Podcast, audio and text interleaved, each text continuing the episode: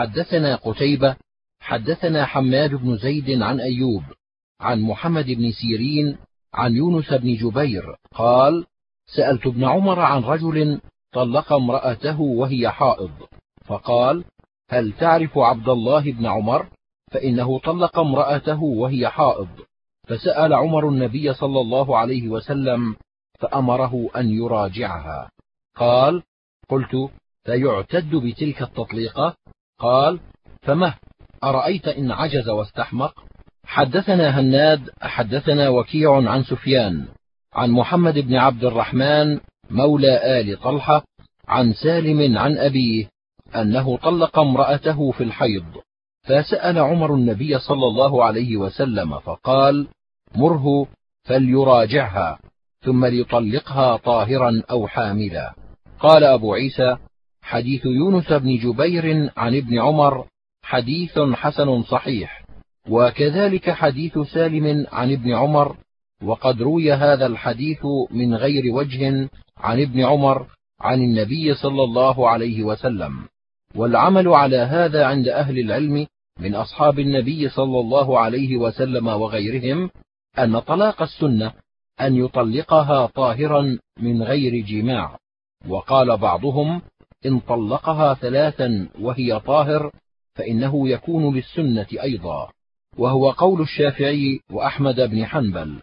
وقال بعضهم لا تكون ثلاثا للسنة إلا أن يطلقها واحدة واحدة. وهو قول سفيان الثوري وإسحاق. وقالوا في طلاق الحامل يطلقها متى شاء.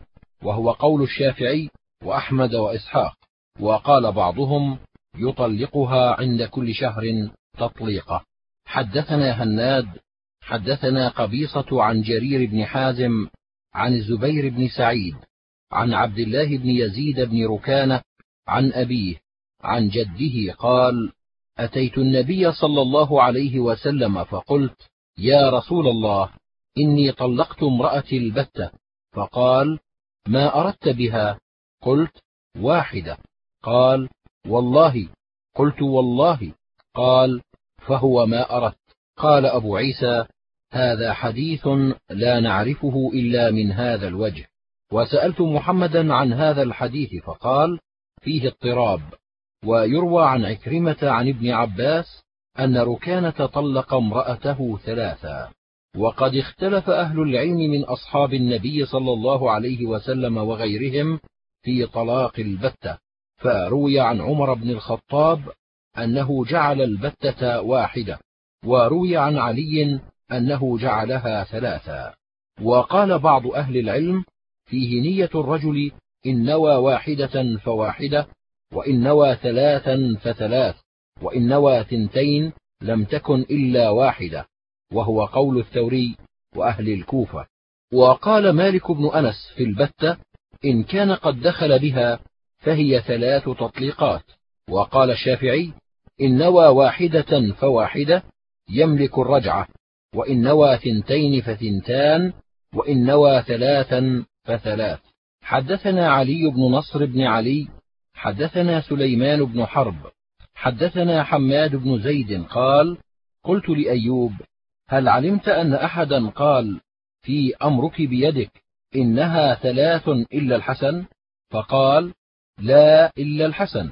ثم قال اللهم غفرا إلا ما حدثني قتادة عن كثير مولى بني سمرة عن أبي سلمة عن أبي هريرة عن النبي صلى الله عليه وسلم. قال ثلاث. قال أيوب فلقيت كثيرا مولى بني سمرة فسألته فلم يعرف فرجعت إلى قتادة فأخبرته فقال نسي. قال أبو عيسى هذا حديث غريب لا نعرفه إلا من حديث سليمان بن حرب عن حماد بن زيد.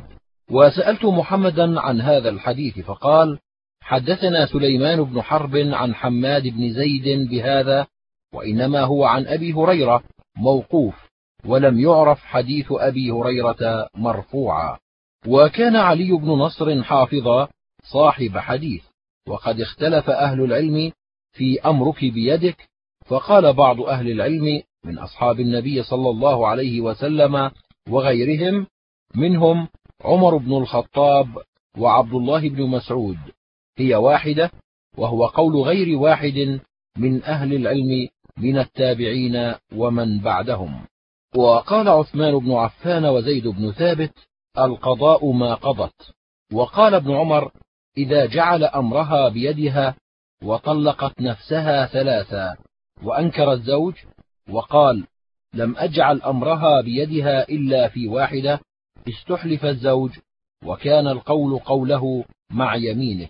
وذهب سفيان وأهل الكوفة إلى قول عمر وعبد الله وأما مالك بن أنس فقال القضاء ما قضت وهو قول أحمد وأما إسحاق فذهب إلى قول ابن عمر.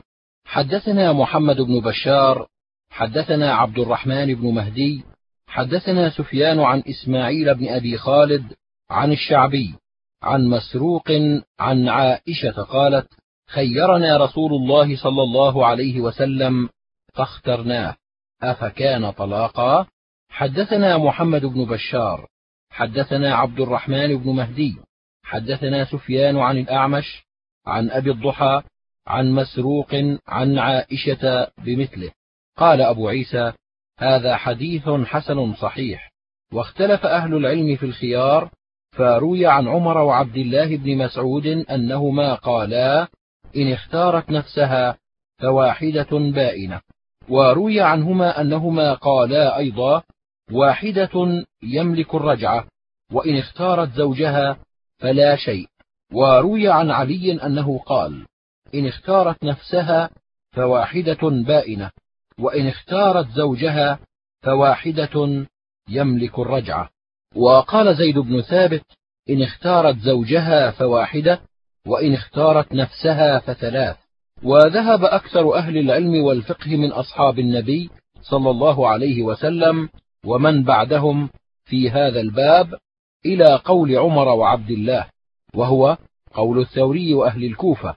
وأما أحمد بن حنبل فذهب إلى قول علي رضي الله عنه حدثنا هناد حدثنا جرير عن مغيرة عن الشعبي قال قالت فاطمة بنت قيس طلقني زوجي ثلاثا على عهد النبي صلى الله عليه وسلم. فقال رسول الله صلى الله عليه وسلم لا سكنى لك ولا نفقة. قال مغيرة فذكرته لإبراهيم فقال قال عمر لا ندع كتاب الله وسنة نبينا صلى الله عليه وسلم لقول امرأة لا ندري أحفظت أم نسيت وكان عمر يجعل لها السكنى والنفقة. حدثنا أحمد بن منيع حدثنا هشيم أنبأنا حسين وإسماعيل ومجالد قال هشيم وحدثنا داود أيضا عن الشعبي قال دخلت على فاطمة بنت قيس فسألتها عن قضاء رسول الله صلى الله عليه وسلم فيها فقالت طلقها زوجها البتة فخاصمته في السكنى والنفقة فلم يجعل لها النبي صلى الله عليه وسلم سكنى ولا نفقة. وفي حديث داود قالت وأمرني أن أعتد في بيت ابن أم مكتوم. قال أبو عيسى هذا حديث حسن صحيح وهو قول بعض أهل العلم منهم الحسن البصري وعطاء بن أبي رباح والشعبي. وبه يقول أحمد وإسحاق وقالوا ليس للمطلقة سكنى ولا نفقة إذا لم يملك زوجها الرجعة. وقال بعض أهل العلم من أصحاب النبي صلى الله عليه وسلم منهم عمر وعبد الله إن المطلقة ثلاثة لها السكنى والنفقة وهو قول سفيان الثوري وأهل الكوفة. وقال بعض أهل العلم لها السكنى ولا نفقة لها وهو قول مالك بن أنس والليث بن سعد والشافعي. وقال الشافعي إنما جعلنا لها السكنى بكتاب الله. قال الله تعالى لا تخرجوهن من بيوتهن ولا يخرجن إلا أن يأتين بفاحشة مبينة. قالوا هو البذاء أن تبذو على أهلها. واعتل بأن فاطمة بنت قيس لم يجعل لها النبي صلى الله عليه وسلم السكنى لما كانت تبذو على أهلها. قال الشافعي ولا نفقة لها لحديث رسول الله صلى الله عليه وسلم في قصة حديث فاطمة بنت قيس. حدثنا أحمد بن منيع حدثنا هشيم حدثنا عامر الأحول عن عمرو بن شعيب عن أبيه عن جده قال قال رسول الله صلى الله عليه وسلم لا نذر لابن آدم فيما لا يملك ولا عتق له فيما لا يملك ولا طلاق له فيما لا يملك. قال وفي الباب عن علي ومعاذ بن جبل وجابر وابن عباس وعائشة. قال أبو عيسى حديث عبد الله بن عمرو حديث حسن صحيح وهو أحسن شيء روي في هذا الباب وهو قول أكثر أهل العلم من أصحاب النبي صلى الله عليه وسلم وغيرهم. روي ذلك عن علي بن أبي طالب وابن عباس وجابر بن عبد الله وسعيد بن المسيب والحسن وسعيد بن جبير وعلي بن الحسين وشريح وجابر بن زيد وغير واحد من فقهاء التابعين. وبه يقول الشافعي وروي عن ابن مسعود أنه قال في المنصوبة إنها تطلق. وقد روي عن إبراهيم النخعي والشعبي وغيرهما من أهل العلم أنهم قالوا إذا وقت نزل. وهو قول سفيان الثوري ومالك بن أنس أنه إذا سمى امرأة بعينها أو وقت وقتا أو قال إن تزوجت من كورة كذا فإنه إن تزوج فإنها تطلق. وأما ابن المبارك فشدد في هذا الباب وقال إن فعل لا أقول هي حرام. وقال أحمد إن تزوج لا آمره أن يفارق امرأته. وقال إسحاق أنا أجيز في المنصوبة لحديث ابن مسعود وإن تزوجها لا أقول تحرم عليه امرأته.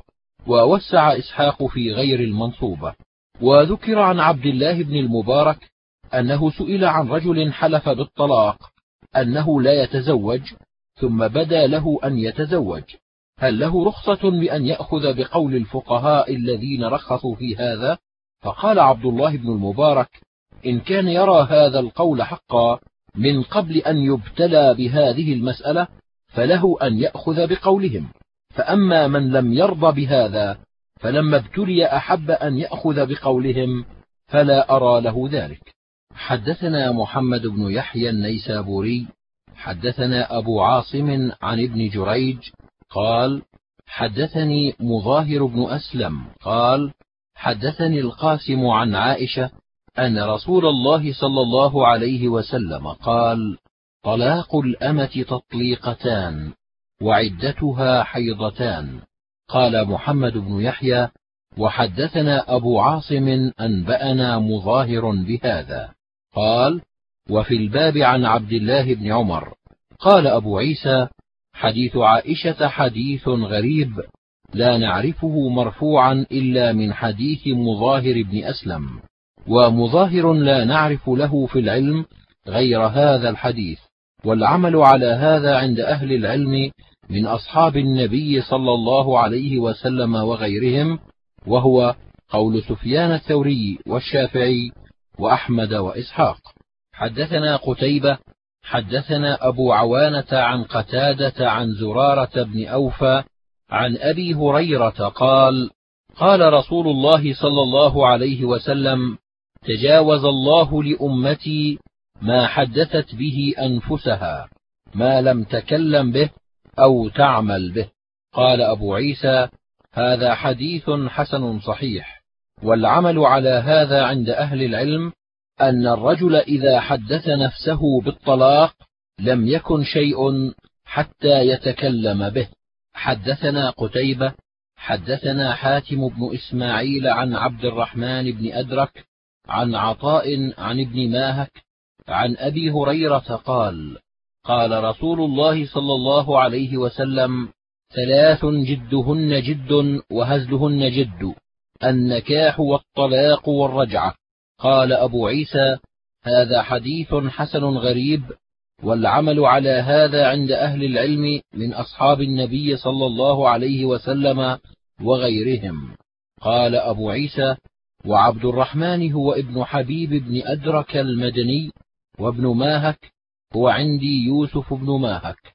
حدثنا محمود بن غيلان أنبأنا الفضل بن موسى عن سفيان أنبأنا محمد بن عبد الرحمن وهو مولى آل طلحة عن سليمان بن يسار عن الربيع بنت معوذ عن عفراء أنها اختلعت على عهد النبي صلى الله عليه وسلم فأمرها النبي صلى الله عليه وسلم أو أمرت أن تعتد بحيضة. قال وفي الباب عن ابن عباس. قال أبو عيسى حديث الربيع الصحيح أنها أمرت أن تعتد بحيضة. أنبأنا محمد بن عبد الرحيم البغدادي. أنبأنا علي بن بحر أنبأنا هشام بن يوسف عن معمر عن عمرو بن مسلم عن عكرمة عن ابن عباس أن امرأة ثابت بن قيس اختلعت من زوجها على عهد النبي صلى الله عليه وسلم فأمرها النبي صلى الله عليه وسلم أن تعتد بحيضة. قال أبو عيسى هذا حديث حسن غريب.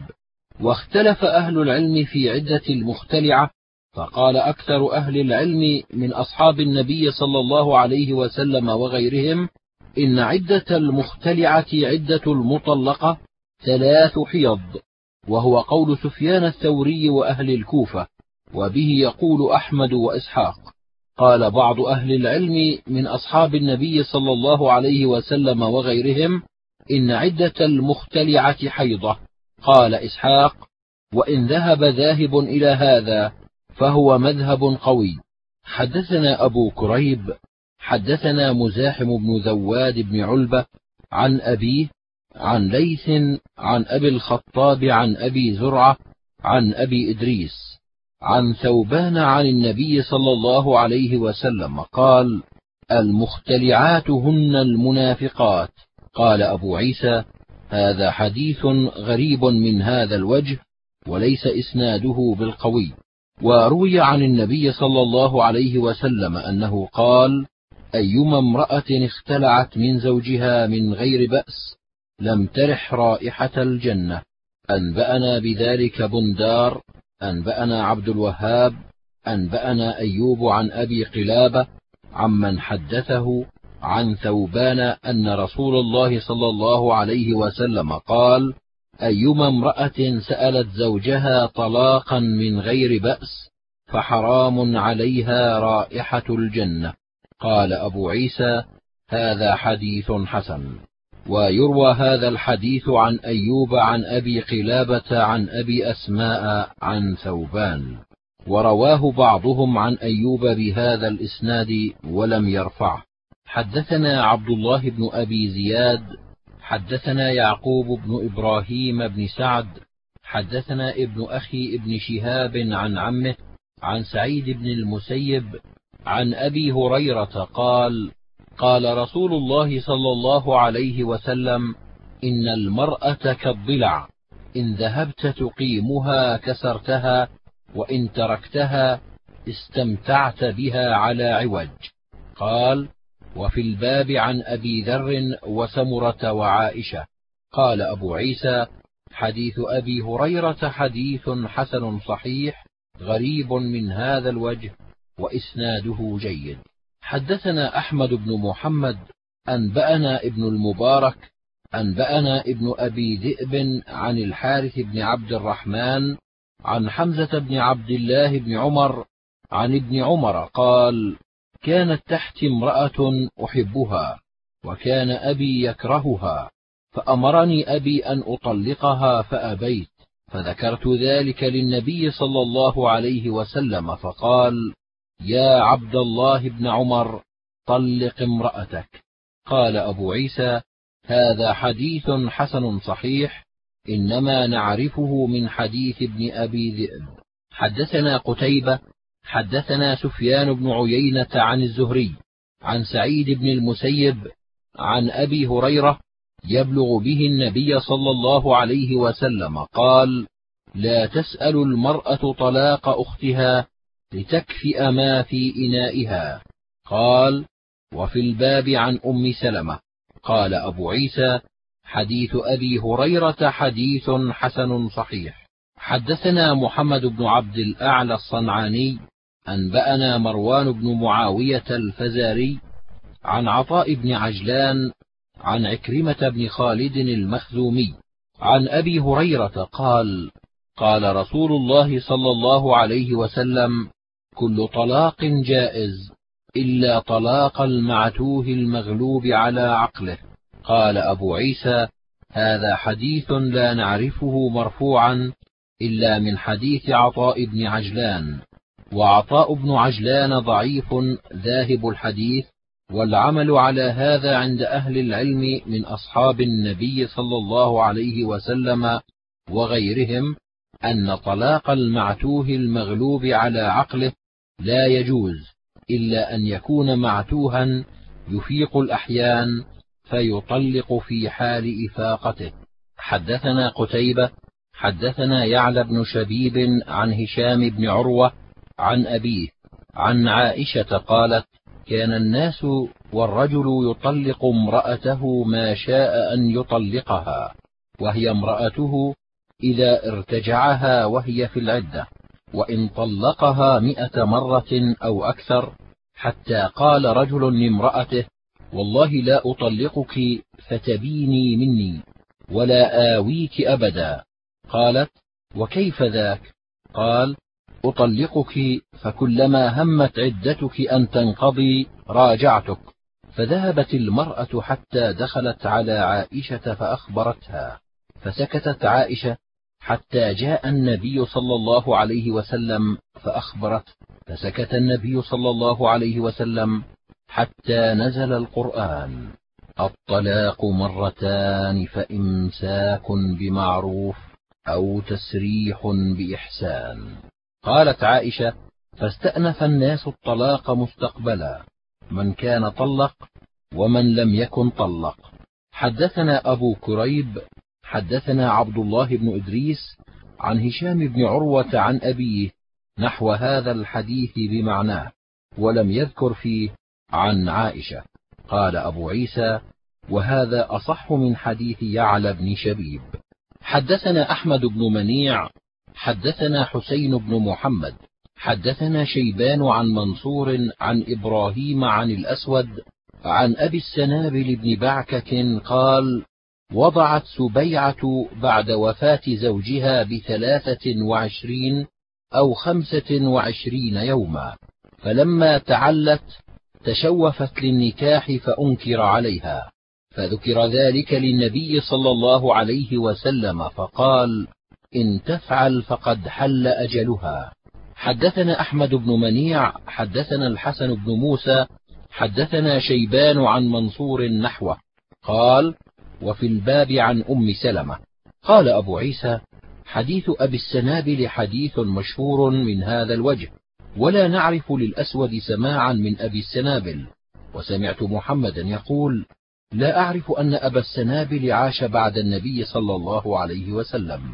والعمل على هذا عند أكثر أهل العلم من أصحاب النبي صلى الله عليه وسلم وغيرهم أن الحامل المتوفى عنها زوجها إذا وضعت فقد حل التزويج لها وإن لم تكن انقضت عدتها. وهو قول سفيان الثوري والشافعي وأحمد وإسحاق. وقال بعض أهل العلم من أصحاب النبي صلى الله عليه وسلم وغيرهم تعتد آخر الأجلين. والقول الأول أصح. حدثنا قتيبة حدثنا الليث عن يحيى بن سعيد عن سليمان بن يسار أن أبا هريرة وابن عباس وأبا سلمة بن عبد الرحمن تذاكروا المتوفى عنها زوجها الحامل تضع عند وفاة زوجها فقال ابن عباس تعتد آخر الأجلين وقال أبو سلمة بل تحل حين تضع وقال أبو هريرة أنا مع ابن أخي يعني أبا سلمة فأرسلوا إلى أم سلمة زوج النبي صلى الله عليه وسلم فقالت قد وضعت سبيعة الأسلمية بعد وفاة زوجها بيسير فاستفتت رسول الله صلى الله عليه وسلم فأمرها أن تتزوج. قال أبو عيسى هذا حديث حسن صحيح. حدثنا الأنصاري حدثنا معن بن عيسى أنبأنا مالك بن أنس عن عبد الله بن أبي بكر بن محمد بن عمرو بن حزم عن حميد بن نافع عن زينب بنت أبي سلمة أنها أخبرته بهذه الأحاديث الثلاثة. قالت زينب دخلت على أم حبيبة زوج النبي صلى الله عليه وسلم حين توفي أبوها أبو سفيان بن حرب فدعت بطيب فيه صفرة حلوق أو غيره فدهنت به جارية ثم مست بعارضيها ثم قالت والله ما لي بالطيب من حاجة غير أني سمعت رسول الله صلى الله عليه وسلم يقول لا يحل لامرأة تؤمن بالله واليوم الآخر أن تحد على ميت فوق ثلاثة أيام إلا على زوج أربعة أشهر وعشرا قالت زينب فدخلت على زينب بنت جحش حين توفي أخوها فدعت بطيب فمست منه ثم قالت والله ما لي في الطيب من حاجة غير أني سمعت رسول الله صلى الله عليه وسلم يقول لا يحل لامرأة تؤمن بالله واليوم الآخر أن تحد على ميت فوق ثلاث ليال إلا على زوج أربعة أشهر وعشرا قالت زينب وسمعت أمي أم سلمة تقول جاءت امرأة إلى رسول الله صلى الله عليه وسلم فقالت يا رسول الله إن ابنتي توفي عنها زوجها وقد اشتكت عينيها أفنكحلها؟ فقال رسول الله صلى الله عليه وسلم لا مرتين أو ثلاث مرات كل ذلك يقول لا. ثم قال إنما هي أربعة أشهر وعشرا وقد كانت إحداكن في الجاهلية ترمي بالبعرة على رأس الحول. قال وفي الباب عن فريعة بنت مالك أخت أبي سعيد الخدري وحفصة بنت عمر. قال أبو عيسى حديث زينب حديث حسن صحيح والعمل على هذا عند أصحاب النبي صلى الله عليه وسلم وغيرهم أن المتوفى عنها زوجها تتقي في عدتها الطيب والزينة وهو قول سفيان الثوري ومالك بن أنس والشافعي وأحمد وإسحاق. حدثنا أبو سعيد الأشج حدثنا عبد الله بن إدريس عن محمد بن إسحاق عن محمد بن عمرو بن عطاء عن سليمان بن يسار عن سلمة بن صخر البياضي عن النبي صلى الله عليه وسلم في المظاهر يواقع قبل أن يكفر. قال كفارة واحدة. قال أبو عيسى هذا حديث حسن غريب والعمل على هذا عند أكثر أهل العلم وهو قول سفيان ومالك والشافعي وأحمد وإسحاق. وقال بعضهم إذا واقعها قبل أن يكفر فعليه كفارتان وهو قول عبد الرحمن بن مهدي. أنبأنا أبو عمار الحسين بن حريث أنبأنا الفضل بن موسى عن معمر عن الحكم بن أبان عن عكرمة عن ابن عباس أن رجلا أتى النبي صلى الله عليه وسلم قد ظاهر من امرأته فوقع عليها فقال يا رسول الله إني قد ظاهرت من زوجتي فوقعت عليها قبل أن أكفر فقال وما حملك على ذلك يرحمك الله. قال رأيت خلخالها في ضوء القمر. قال فلا تقربها حتى تفعل ما أمرك الله به. قال أبو عيسى هذا حديث حسن غريب صحيح. حدثنا إسحاق بن منصور أنبأنا هارون بن إسماعيل الخزاز أنبأنا علي بن المبارك أنبأنا يحيى بن أبي كثير أنبأنا أبو سلمة ومحمد بن عبد الرحمن بن ثوبان أن سلمان بن صخر الأنصاري أحد بني بياضة جعل امرأته عليه كظهر أمه حتى يمضي رمضان فلما مضى نصف من رمضان وقع عليها ليلا فأتى رسول الله صلى الله عليه وسلم فذكر ذلك له فقال له رسول الله صلى الله عليه وسلم أعتق رقبة. قال لا أجدها. قال فصم شهرين متتابعين. قال لا أستطيع. قال أطعم ستين مسكينا. قال لا أجد. فقال رسول الله صلى الله عليه وسلم لفروة بن عمرو أعطه ذلك العرق وهو مكتل يأخذ خمسة عشر صاعا أو ستة عشر صاعا. إطعام ستين مسكينا. قال أبو عيسى هذا حديث حسن. يقال سلمان بن صخر ويقال سلمة بن صخر البياضي والعمل على هذا الحديث عند أهل العلم في كفارة الظهار.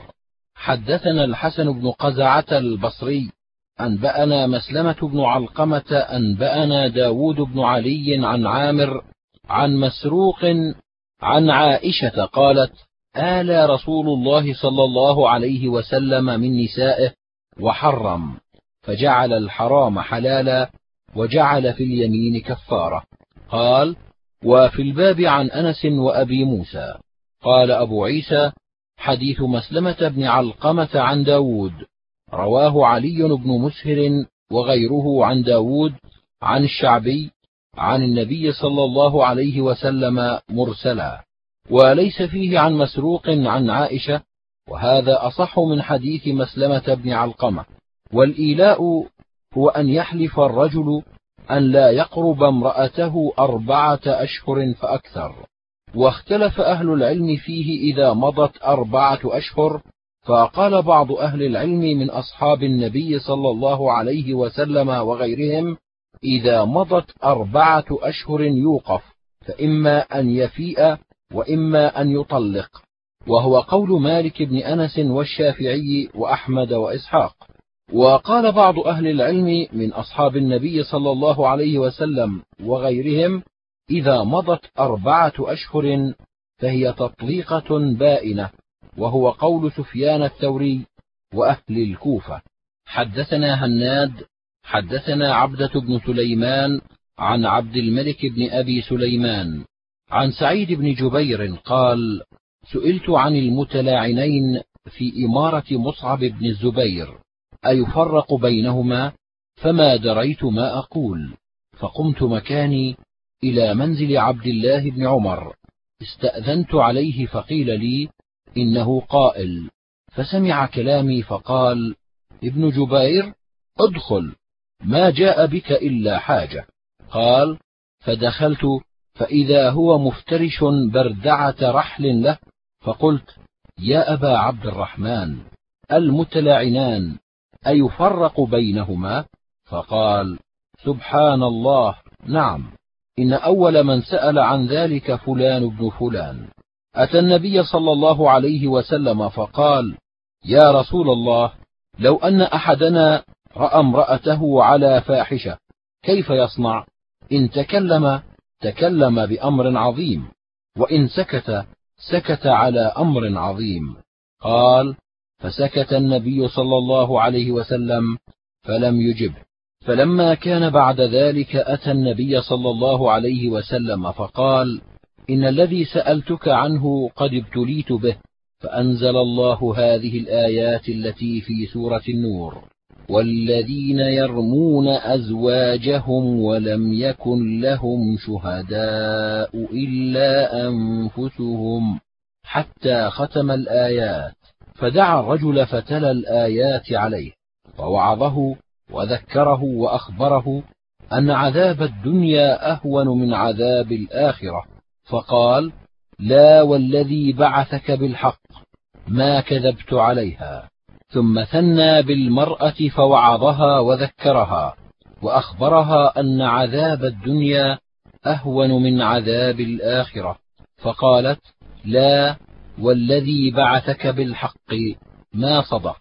قال فبدأ بالرجل فشهد أربع شهادات بالله إنه لمن الصادقين والخامسة أن لعنة الله عليه إن كان من الكاذبين. ثم ثنى بالمرأة فشهدت أربع شهادات بالله إنه لمن الكاذبين. والخامسة أن غضب الله عليها إن كان من الصادقين. ثم فرق بينهما. قال وفي الباب عن سهل بن سعد وابن عباس وابن مسعود وحذيفة. قال أبو عيسى حديث ابن عمر حديث حسن صحيح والعمل على هذا الحديث عند أهل العلم.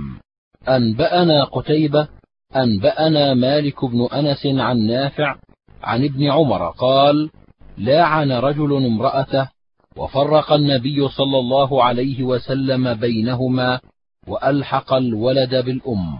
قال أبو عيسى هذا حديث حسن صحيح والعمل على هذا عند أهل العلم. أنبأنا قتيبة أنبأنا مالك بن أنس عن نافع عن ابن عمر قال لاعن رجل امرأته وفرق النبي صلى الله عليه وسلم بينهما وألحق الولد بالأم. قال أبو عيسى هذا حديث حسن صحيح والعمل على هذا عند أهل العلم.